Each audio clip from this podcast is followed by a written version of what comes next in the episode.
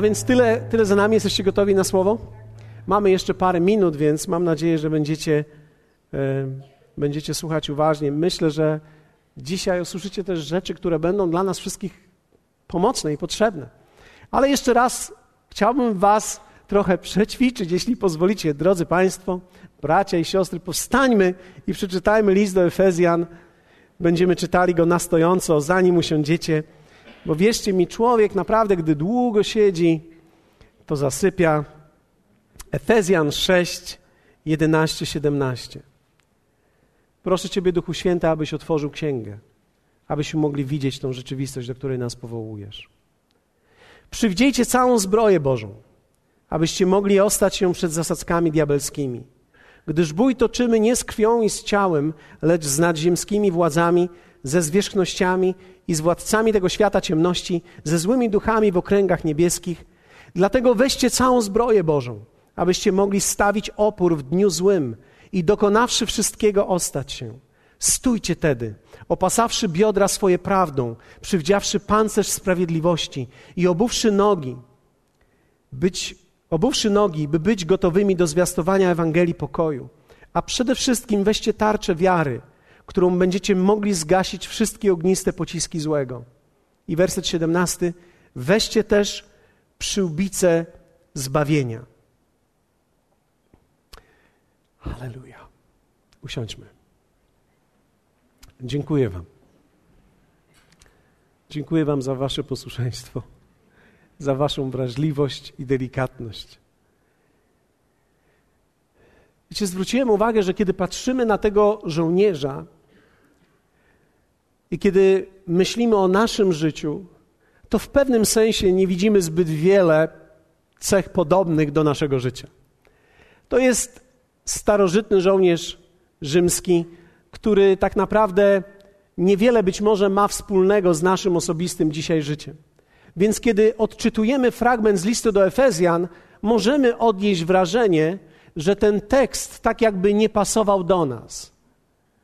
Ale chciałbym zachęcić Ciebie, żebyś potrafił wejrzeć w tą taką odwieczną Bożą prawdę, która jest w tym ukryta, mimo iż ona jest tak jakby odsłaniana przed nami w postaci tego rzymskiego żołnierza. Mówiliśmy o zapinaniu pasa prawdy. Mówiliśmy o łączeniu tego kija, który ma dwa końce. Mówiliśmy o rzeczywistości, mówiliśmy o tym, że istnieją Boże obietnice i umiejętność połączenia tego, co jest, z tym, co ma być, to jest umiejętność założenia i zapięcia prawdy. Mówiliśmy też o stopach, o zasznurowaniu, o byciu gotowym do tego, aby pójść i dzielić się z ludźmi Ewangelią. Mówiliśmy o tej zbroi, którą mamy tutaj, tym pancerzu sprawiedliwości, który tak naprawdę ochrania nas i ochrania te myśli, które mieliśmy. Mówiliśmy o tarczy, o dwóch rodzajach tarczy. O tym, że jest tarcza paradna i istnieje wiara, którą się szczycimy, ale również też jest tarcza, którą używamy do boju. I dzisiaj mówimy o przyłbicy zbawienia. Można powiedzieć hełmie zbawienia. Chciałbym, żebyście zwrócili uwagę, bo kiedy będziemy mówili o hełmie, on był uczyniony wewnątrz ze skóry, na którą była nakładany był metal. Czasami był to brąz, czasami był to, było to żelazo, które było tak twarde, że nie można było tego przebić nawet siekierą. Więc jest to coś szczególnego, ponieważ jest to szczególna część tej zbroi, która tak naprawdę nie tylko chroniła głowę, ale również chroniła szyję i policzki żołnierza.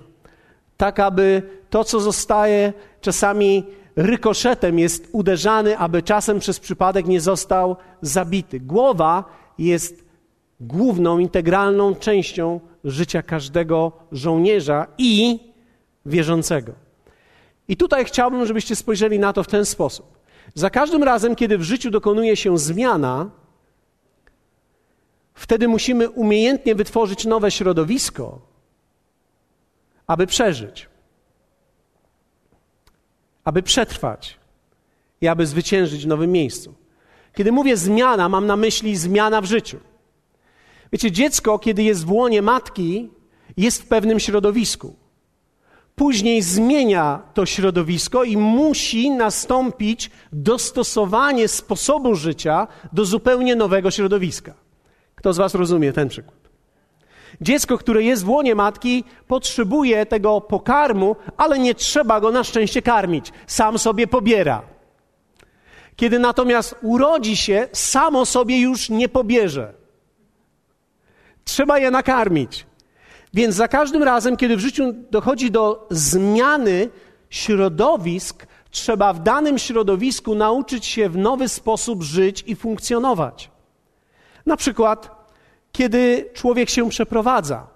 I szczególnie myślę, że to jest widoczne względem tych, którzy wyprowadzili się z tego kraju do innego kraju. Wyprowadzasz się do innego kraju i masz tam zupełnie nowy język, zupełnie nową kulturę, zupełnie nowe środowisko, w którym się znajdujesz. Ludzie żyją inaczej. Wiecie, ludzie są wszędzie tacy sami, ale w pewnym sensie są inni. Mają inny temperament, mają inne nieco wartości. Niektóre środowiska są bardziej zamknięte, niektóre są bardziej wyluzowane. Kiedy ktoś jedzie na południe, spotkasz ludzi, którzy cię ściskają. Im bardziej jedziesz na północ, tym bardziej ludzie są w pewnego rodzaju dystansie. Zmiana kultury następuje nawet w tym miejscu, kiedy mówimy o pewnej geografii. Mówi się o gorących, południowych charakterach. No i też widzimy Norwegów poprawnych. Ja nie mówię o wszystkich Norwegach, ale są, e, kiedy patrzymy na to środowisko, tam widzimy, z wyjątkiem kościoła, to jest bardzo szczególne, widzimy ludzi, którzy są w pewnym sensie zdystansowani, którzy nie okazują może swoich uczuć. Zwróćcie uwagę, jaka jest różnica nawet pomiędzy Polakami a Niemcami. Tak? Kiedy jedziemy na, za tamtą granicę, widzimy natychmiast zmianę kultury i człowiek, który się przeprowadza w tamto miejsce, musi się dostosować do zupełnie nowego środowiska, w którym żyje. Ale to są najprostsze zmiany. Weźmy na przykład takie rzeczy jak morsowanie. Wiecie, niektórzy ludzie kochają morsowanie i zanurzają się w wodzie lodowatej. To nie jest coś, co ja faworyzuję. Akurat nie lubię zimnej wody, dla mnie jest tylko ciepła woda istotna. Dla mnie woda, która ma mniej niż 36 stopni, jest za zimna. Więc w praktyce e, jest, zmuszam się, żeby wejść nawet latem do tak zwanego ciepłego Bałtyckiego Morza. Ale ci, którzy morsują, wiedzą o tym, że żeby wejść do wody, która ma 3-4 stopnie, musisz tak naprawdę się przygotować. Że nie można po prostu tak rozebrać się i zwyczajnie wejść. Przynajmniej nie jest to wskazane. Człowiek musi się przygotować, żeby być w jakimś środowisku, chociaż na chwilę, żeby zmienić tak drastycznie środowisko. Trzeba się do tego przygotować, bo bez tego można nie przeżyć. Pamiętam, kiedy pierwszy raz zostałem zaproszony nie na morsowanie, ale na wyprawę morską na ryby. Ten, który mnie zapraszał, powiedział: Paweł, tylko ubierz się dobrze. I wiecie, dla mnie ubrać się dobrze na ryby oznacza dżinsy, buty jakieś takie w miarę nieprzemakalne i kurtka. A on mówi: Nie, co najmniej trzy koszule, swetry, buty najlepiej mieć ze trzy pary skarpet i wtedy takie gumofilce, żeby ci nie przemokły. Niezbyt eleganckie ubranie. Więc ubrałem się tak lżej. I pojechałem na ryby, na morską wyprawę.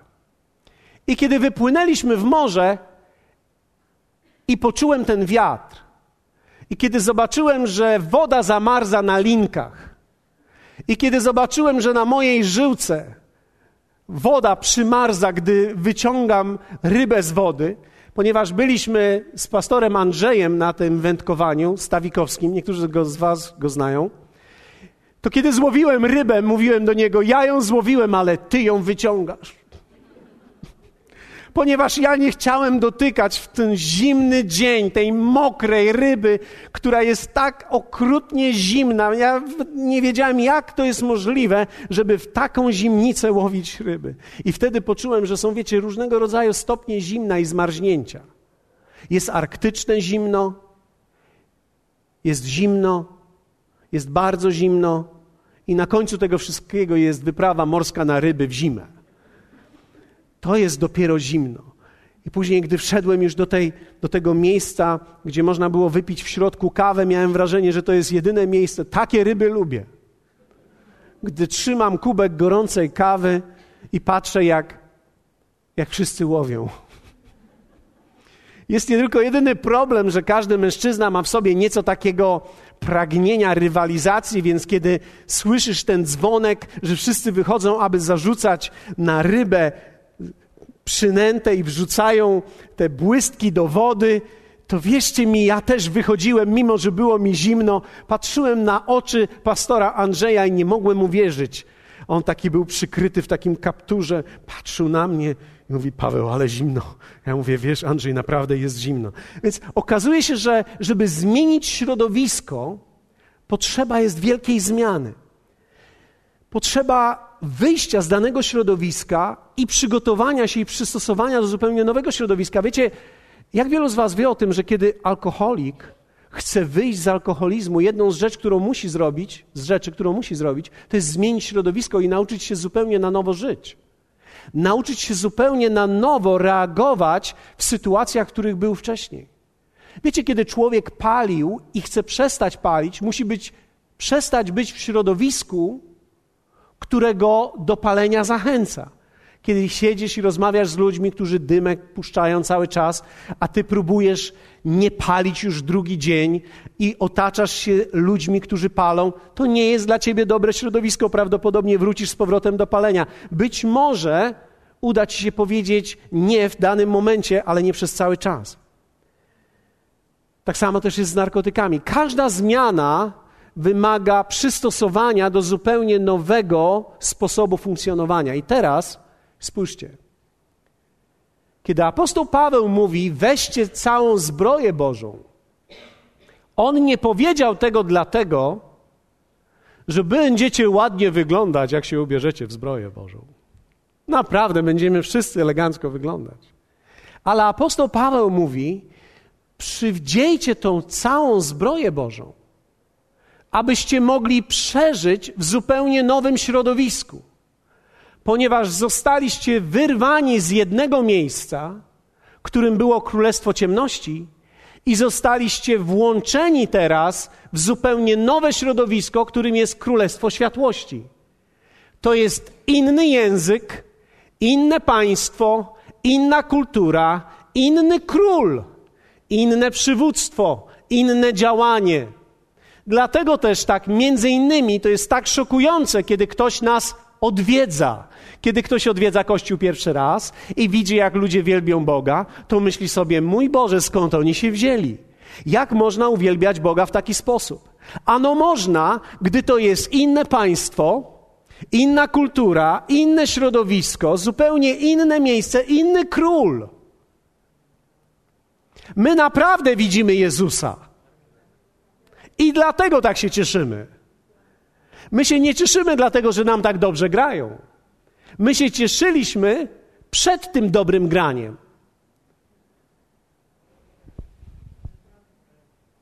Granie do nas dołączyło. To nie my dołączyliśmy do grania. Granie do nas dołączyło. Artur, pamiętasz, jak mieliśmy kiedyś uwielbienia? Wystarczyło tamburyna i gitara, i nawet nie nastrojona. I wierzcie mi, ten sam entuzjazm był wtedy obecny jak teraz, gdy mamy cały zespół i to wszystko, co jest wokół.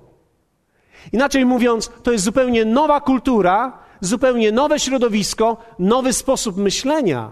Dlatego apostoł Paweł mówi: przywdziejcie całą, powiedzmy razem całą, całą zbroję Bożą, abyście mogli przeżyć ponieważ to jest jak morsowanie. Jak po prostu się zapomnisz i posiedzisz w wodzie trzystopniowej zbyt długo, bez właściwego kombinezonu, bez właściwego ubrania, poczujesz nagle, że jest ci dobrze i że zasypiasz. I to nie jest dobrze. To nie jest dowód, że się asymilujesz, to jest dowód, że umierasz.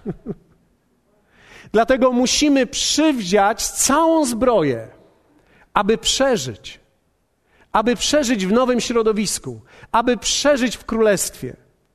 Dlatego to zmiana rodzaju życia, posłuchajcie, to jest ważne, zmiana rodzaju życia bez zmiany stylu życia nie uda się.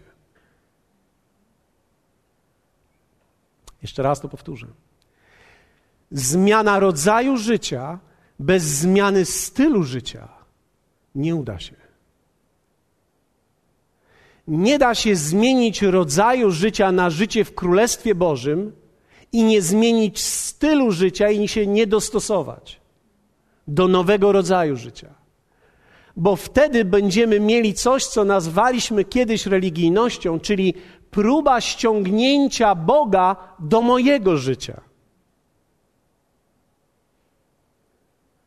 Czyli to wygląda między innymi tak. A już prawie wszystko mam w życiu, coś by mi się jeszcze przydało. Co by mi się jeszcze przydało? No jeszcze Boga nie mam. Fajnie byłoby mieć Boga jeszcze, prawda? Hmm, no to, to teraz, Panie Boże, przyjdź do mojego życia. No i co wtedy robisz? Jak ten Bóg ma przyjść do Twojego życia? No możesz zrobić parę rzeczy. No możesz sobie kupić jakąś, jakiś emblemat i wbić w klapę, jeśli nosisz marynarkę. Mówisz, mam Boga w życiu.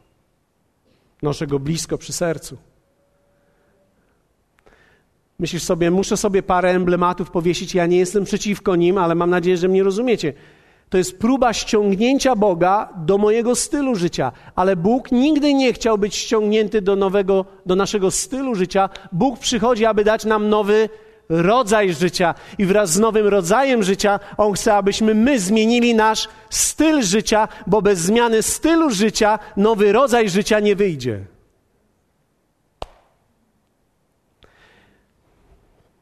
Ktoś może powiedzieć, no ja się nie modliłem, Bóg mnie kocha, czy w takim razie w ten nowy rodzaj życia, gdy otrzymam, będę mógł żyć i się nie modlić? No nie, nie przeżyjesz. To jest tak, jakbyś zadał mi pytanie, będąc na statku, gdzie inni nurkują.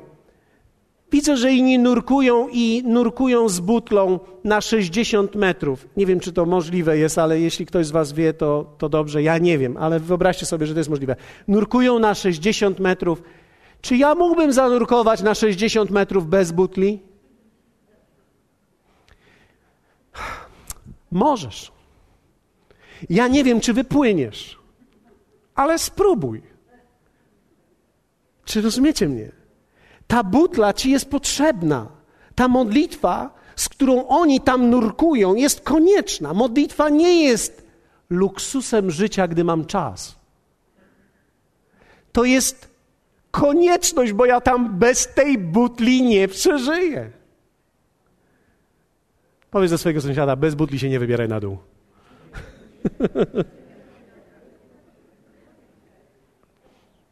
Zatem, kiedy mówimy o tej całej zbroi Bożej, to nie są opcje. To nie jest jak biżuteria dla kobiet, które mogą powiedzieć: Hmm, ciekawe, czy ładnie mi będzie w tym. A buciki, czy ładne? Rzemyki trochę bym na dół osunęła. Ciekawe, czy ładnie mi będzie w tej czapce. Przymierzę tą czapeczkę, może mi będzie ładnie. Jak mi będzie ładnie, to będę w niej. Mówię teraz do wszystkich, którzy są wierzącymi. Przyłbica zbawienia to konieczność, nawet jak ci nie jest ładnie. Ja w żadnej czapce nie wyglądam ładnie. Ja próbowałem. Próbowałem, szedłem do sklepu i czasami próbowałem. Przymierzałem kapelusze, przymierzałem czapeczki i w końcu przymierzyłem taką sportową czapkę, taką, którą się naciąga. Moja żona spojrzała na mnie. Ja mówię, kochanie, ale włosy mi wychodzą, ochronię je tą czapką. Niech wyjdą. Wyglądasz lepiej łysy niż tej czapce. Nie wiem, czy, czy rozumiecie mnie. To nie jest biżuteria. To jest konieczność. Przyłbica ochrania Twoją głowę. Przyłbicę przyjąć trzeba było różne elementy trzeba było różnie przyjąć. Przyłbicę zbawienia, ten hełm, trzeba było przyjąć. To greckie słowo dokładnie oznacza zaakceptować. To jest dahomai, to jest przyjąć, zaakceptować. Ja muszę zaakceptować nowe myśli, nowy sposób myślenia, musi otoczyć moją głowę. Otoczyć moje ramiona, otoczyć moje policzki, tak, abym mógł przeżyć. Tu chodzi o przeżycie, tu nie chodzi o luksus, tu nie chodzi o wygląd, tu chodzi o przeżycie. Twój umysł bowiem będzie zawsze polem Twojej bitwy. Zawsze. Od czasu do czasu mamy bardziej intensywną walkę, ale tak naprawdę zawsze walczymy w umyśle. Kto z Was rozpoznał to, że w momencie, kiedy się nawróciliśmy i przyszliśmy do Jezusa, od tego momentu, jakby ta walka w umyśle podniosła swoją rangę i jest ciągle intensywna. Umysł jest polem bitwy. Kto z Was może rozpoznać to i powiedzieć: Tak, rzeczywiście jest ze mną. To jest. W umyśle prowadzę największą bitwę. Ciekawe jest to, że ten hełm zbawienia dla nas to jest hełm tego zbawienia, ratunku, przyłbica zbawienia, a w Izajasza jest powiedziane również, że Bóg ma hełm. I w Izajasza 59, 17 przeczytamy taki tekst, że Bóg przyoblógł się w sprawiedliwość jak w pancerz i hełm zwycięstwa włożył na swoją głowę. Dla nas, zobaczcie, jest to hełm ratunku, zbawienia, dla Niego jest to hełm zwycięstwa. Bóg ubiera ciebie w to, co sam ma. Bóg tylko nie potrzebuje zbawienia, bo On jest Bogiem. On jest całkowitym zwycięzcą. Jego myśli są doskonałe. Jego myśli nie wymagają poprawy. Twoje i moje myśli wymagają poprawy. Twoje i moje myśli muszą być otoczone Jego myślami. Więc dla nas to jest hełm ratunku, a dla niego jest to hełm zwycięstwa.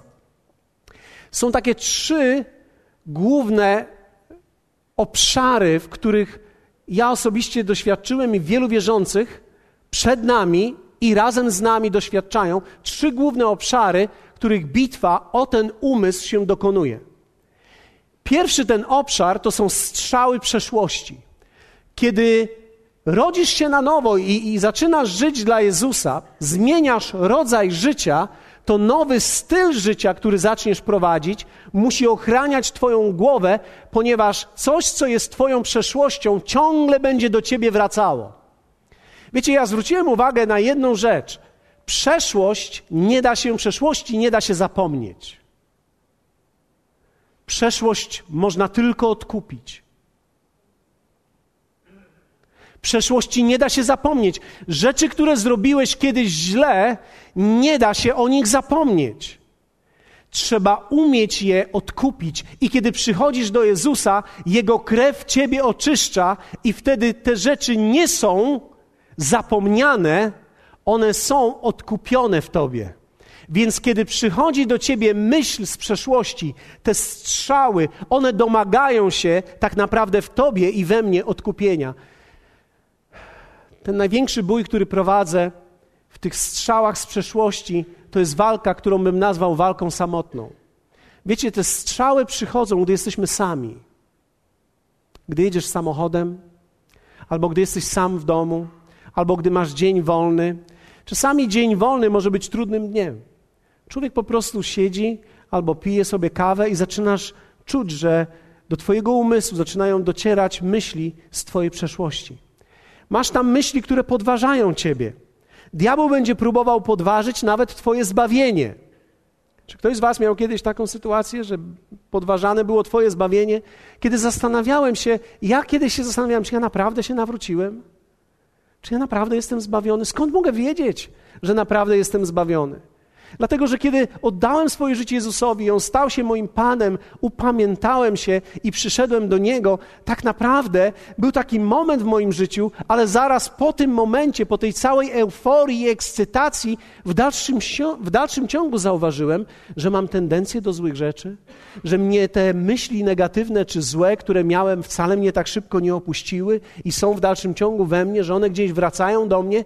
I wiecie, te strzały z przeszłości zaczęły wracać do mnie i podważać we mnie, czy jestem naprawdę zbawiony.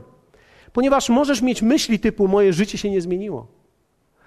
Nie widzę wielkiej przemiany. Czasami ludzie oddają życie Jezusowi i nie widzą drastycznej zmiany w swoim życiu. Widzą, że pomodlili się, oddali swoje życie Jezusowi, zaprosili Go, aby był Panem, I tak jakby pomału to wszystko idzie. Dzisiaj widzimy, jak czasami to trwa rok, dwa, trzy, zanim przychodzą, przychodzi prawdziwa świadomość do życia ludzi, co się naprawdę w ich sercu stało. Te strzały przeszłości próbują, próbują nas dotknąć. Wiecie, nawrócenie jest decyzją naszej woli, ale to jest Jego moc, która pieczętuje to. I w pierwszym Jana, w piątym rozdziale jest taki fragment, Jan pisze o tym. Kto ma syna, ma życie.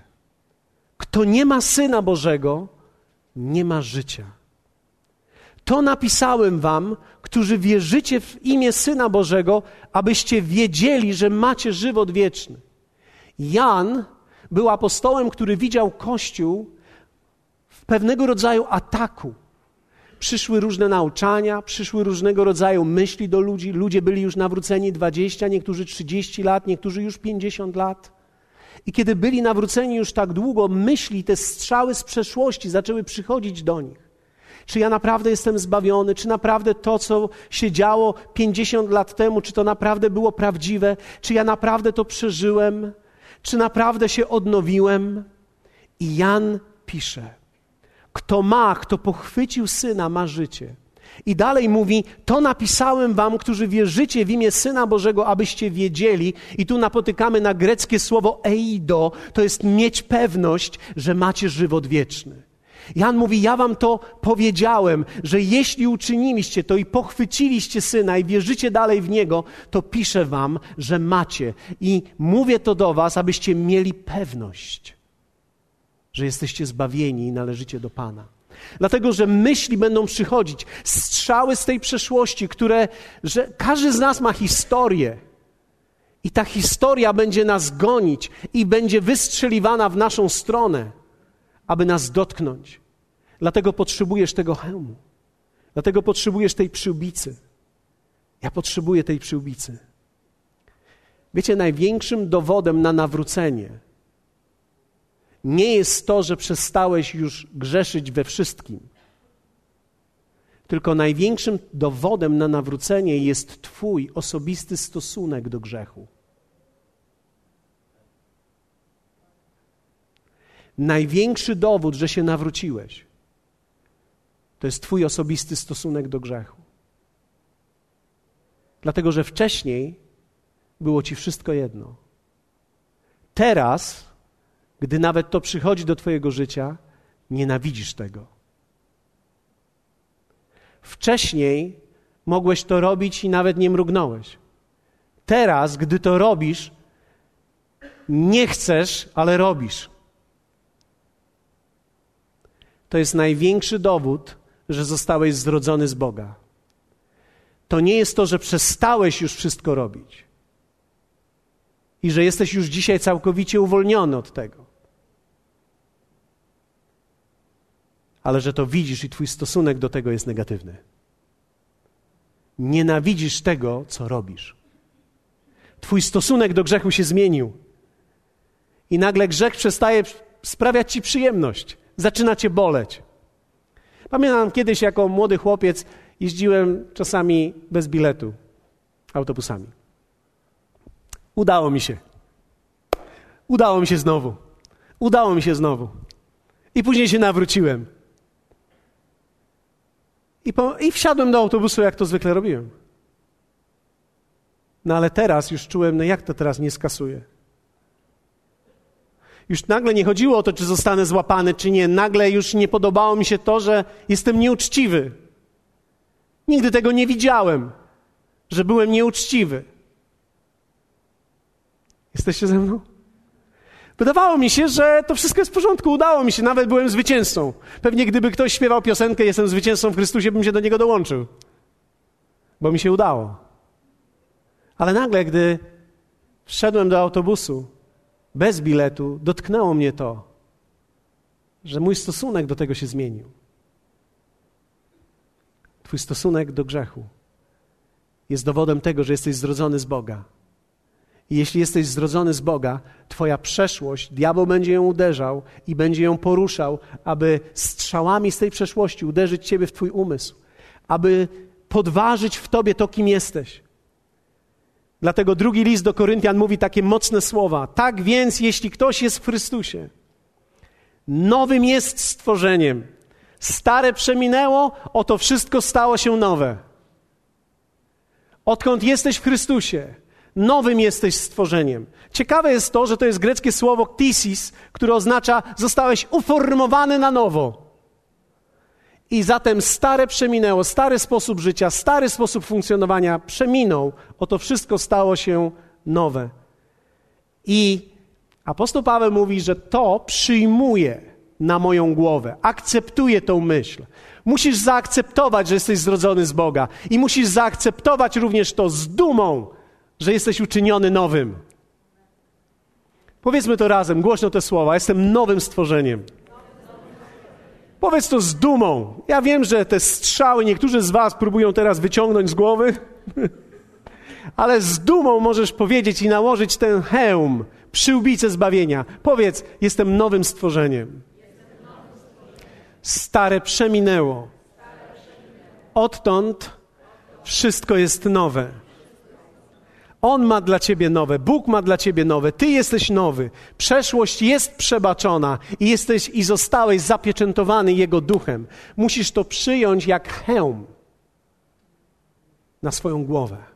Kiedy przychodzą do mnie strzały z mojej przeszłości, z różnych sytuacji, rzeczy, które robiłem, wiem, że one były złe ale dzisiaj stoję przeciwko nim i nie pozwalam, aby one uderzyły w moją głowę. Przyjmuję ten fakt, że jestem nowym stworzeniem i należę do niego.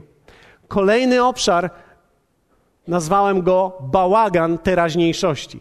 I prawdopodobnie nie dotrę już do trzeciego obszaru dzisiaj zbyt daleko, ale powiem Wam o tym, bo to jest ciekawe. Wiecie, nie każdy bałagan w życiu jest zły.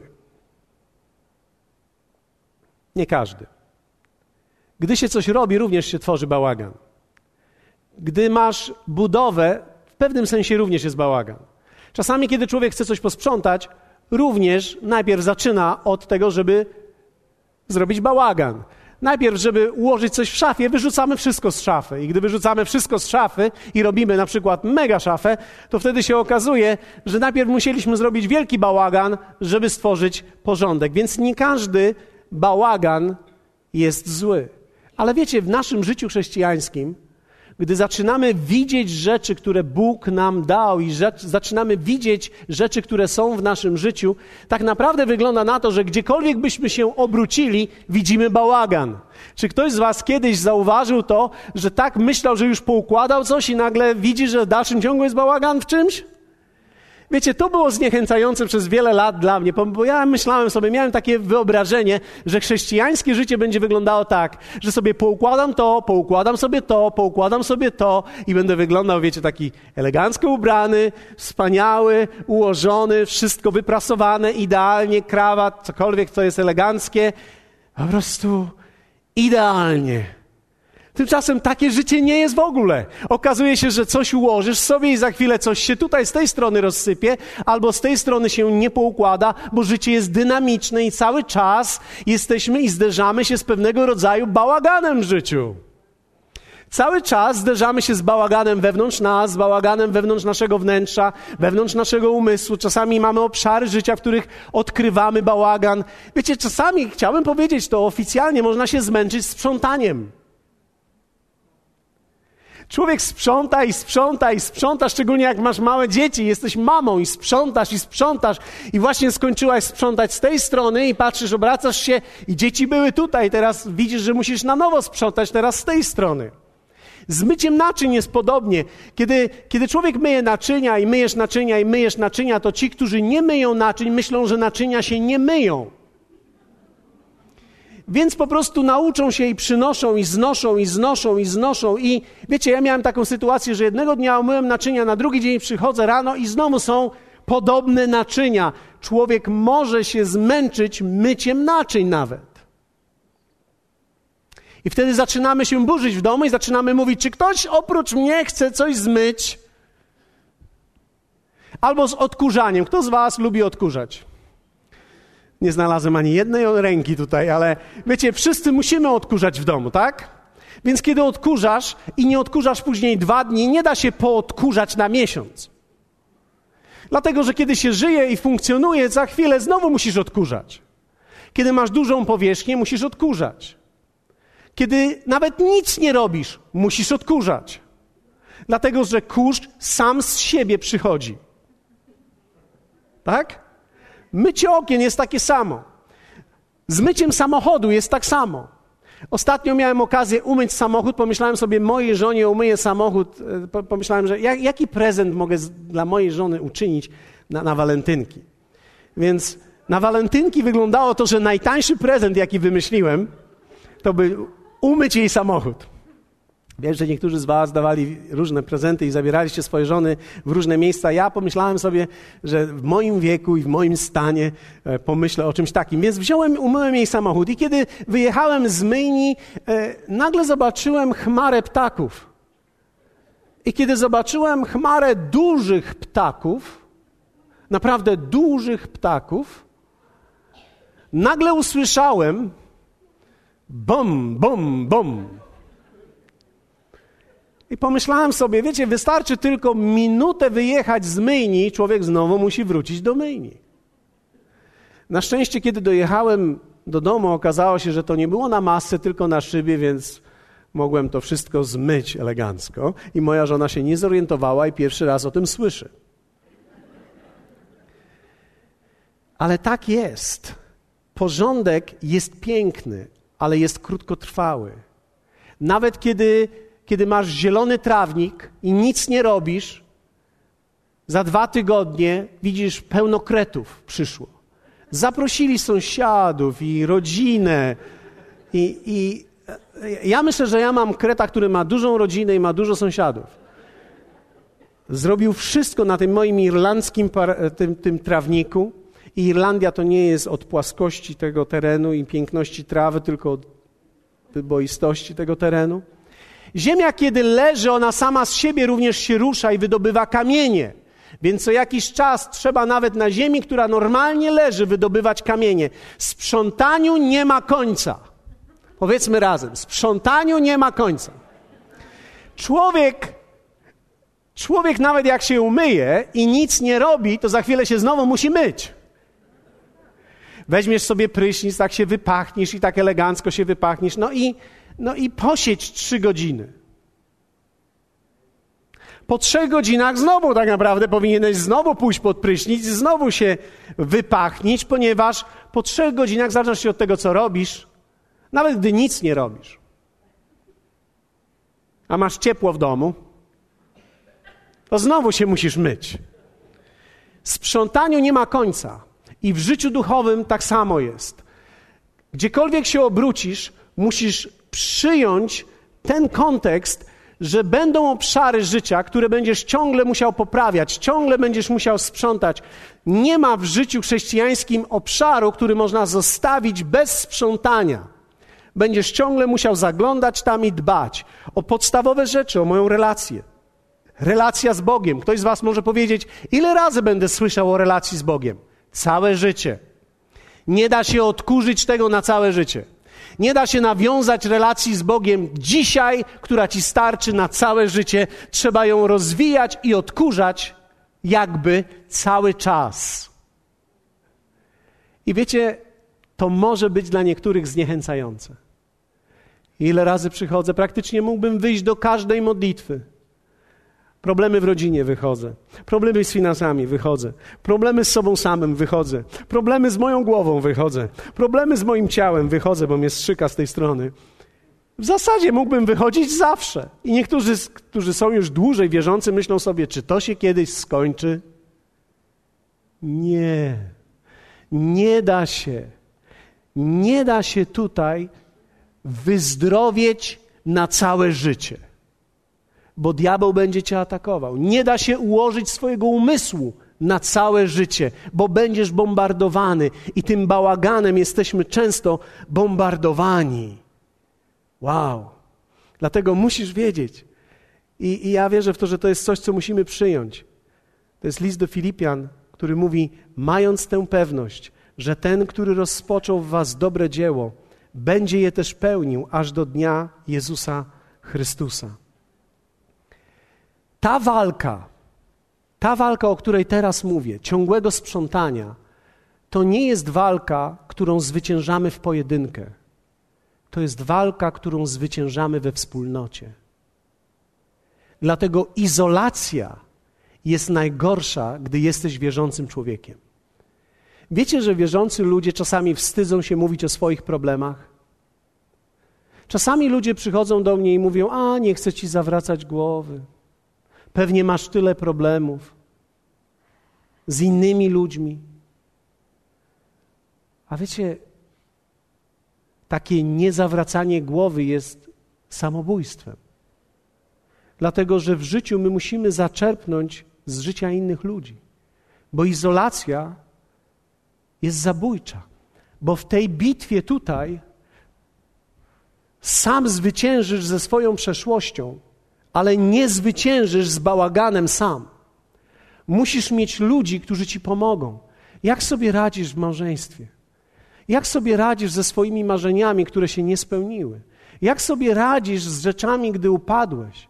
Potrzebujemy innych ludzi, którzy nam dadzą narzędzie, abyśmy byli w stanie przyjąć inne myśli niż te, które sami mamy. Dlatego wierzę w to, że kiedy jesteśmy razem w kościele i kiedy nie jesteśmy wyizolowani, ale mamy naszą małą grupę, jesteśmy bezpieczni. Wiecie, małe grupy to nie są grupy przyjaźni, to są grupy ludzi, którzy mogą się zaprzyjaźnić. Wierzę w to, że każdy człowiek, który ginie, w tej walce ginie najczęściej dlatego, że jest wyizolowany. Ja potrzebuję ciągle wsparcia, ponieważ gdybym nie miał tego wsparcia, gdziekolwiek się obrócę w moim życiu, tam jest bałagan. I proszę Was, nie oceniajcie mnie tak bardzo źle. Nie jest tak bardzo źle. Ja ciągle sprzątam, ale ciągle sprzątam te same rzeczy też. Ciągle odkurzam ten sam pokój. Ciągle dbam o to samo ciało i potrzebuję do tego ludzi, którzy mi pomogą. Dlatego moja zachęta dla Ciebie dzisiaj również jest: nie izoluj się, bo ten hełm, założenie go, to będzie również posiadanie przyjaciół, którzy Ci pomogą w wierze, którzy Ci powiedzą, jak te obszary posprzątać właściwie. Powstańmy razem. Pierwszy Piotra czytamy taki fragment. Bądźcie trzeźwi, czuwajcie. Przeciwnik wasz diabeł chodzi wokół jak lew ryczący, szukając kogo by pochłonąć. Przeciwstawcie mu się mocniej w wierze, wiedząc, że te same cierpienia są udziałem braci waszych w świecie. To znaczy, że ludzie przeżywają te same rzeczy. Jak sobie poradzić, kiedy przychodzi uderzenie do mojego życia?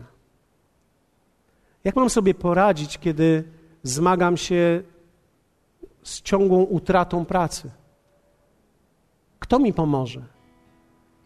Wiecie, czasami odpowiedzią nie jest czytaj Biblię, będziesz wszystko wiedział. Tak nie jest. Ktoś musi ci otworzyć tą Biblię. Ktoś musi obok ciebie stanąć i powiedzieć: Wiesz, ten fragment jest o tym, a ten pomaga mi w tym. Jak poradzić sobie, kiedy nie mogę się pogodzić z moją żoną? Ktoś może powiedzieć: czytaj Biblię i pytaj Pana. Nie, powiedz mi, jak ty sobie poradziłeś. Jak ty z nią rozmawiasz? Jak rozmawiać, kiedy się nie chce rozmawiać? Ten hełm, tą przyłbicę nakładam, gdy nie jestem wyizolowany. Pamiętam, jak ktoś kiedyś podszedł do mnie i powiedział: Pastorze, czy ty w ogóle masz jakieś problemy?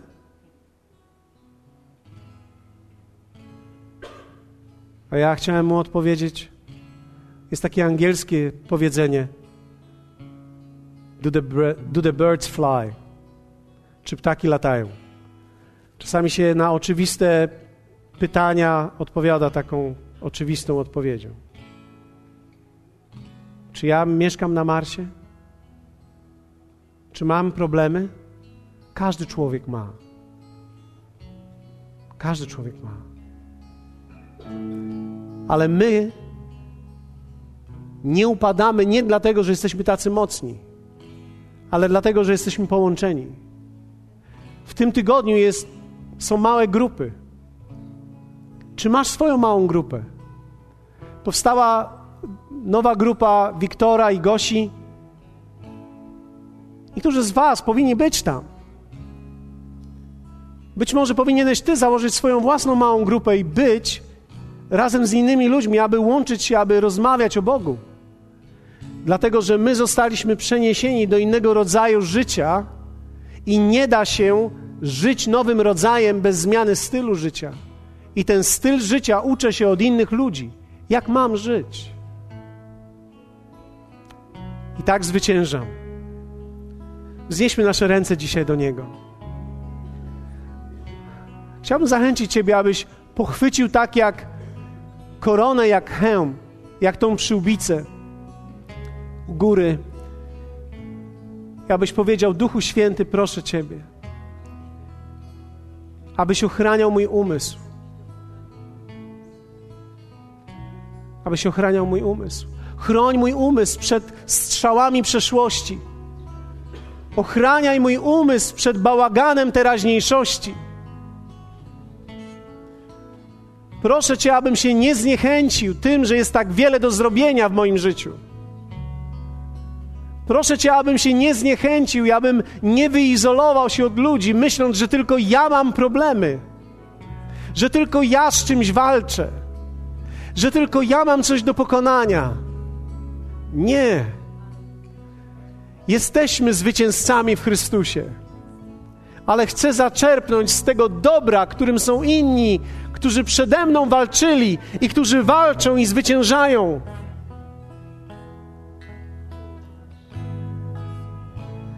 Niektórzy mają ten niewyraźny obraz przyszłości. Niektórzy boją się i mają ciągłą troskę, i to jest ten ostatni element. Wiecie, człowiek czasami boi się tego, co będzie. Rozmawiając w domu, często myślimy, Ciekawe, czy ja znajdę męża? Przychodzą do nas myśli, ciekawe, czy ja kiedyś ułożę sobie życie. Ciekawe, czy moje życie może się zmienić. Ciekawe, jak będzie wyglądały moje, moje starsze lata. Skoro jest tak niepewny świat, skąd weźmie się moja emerytura? Niektórzy myślą o tym i boją się tego. Myśli o przyszłości bez Boga stają się troską w nas. Myśli o przyszłości wraz z Panem stają się obietnicą dla nas.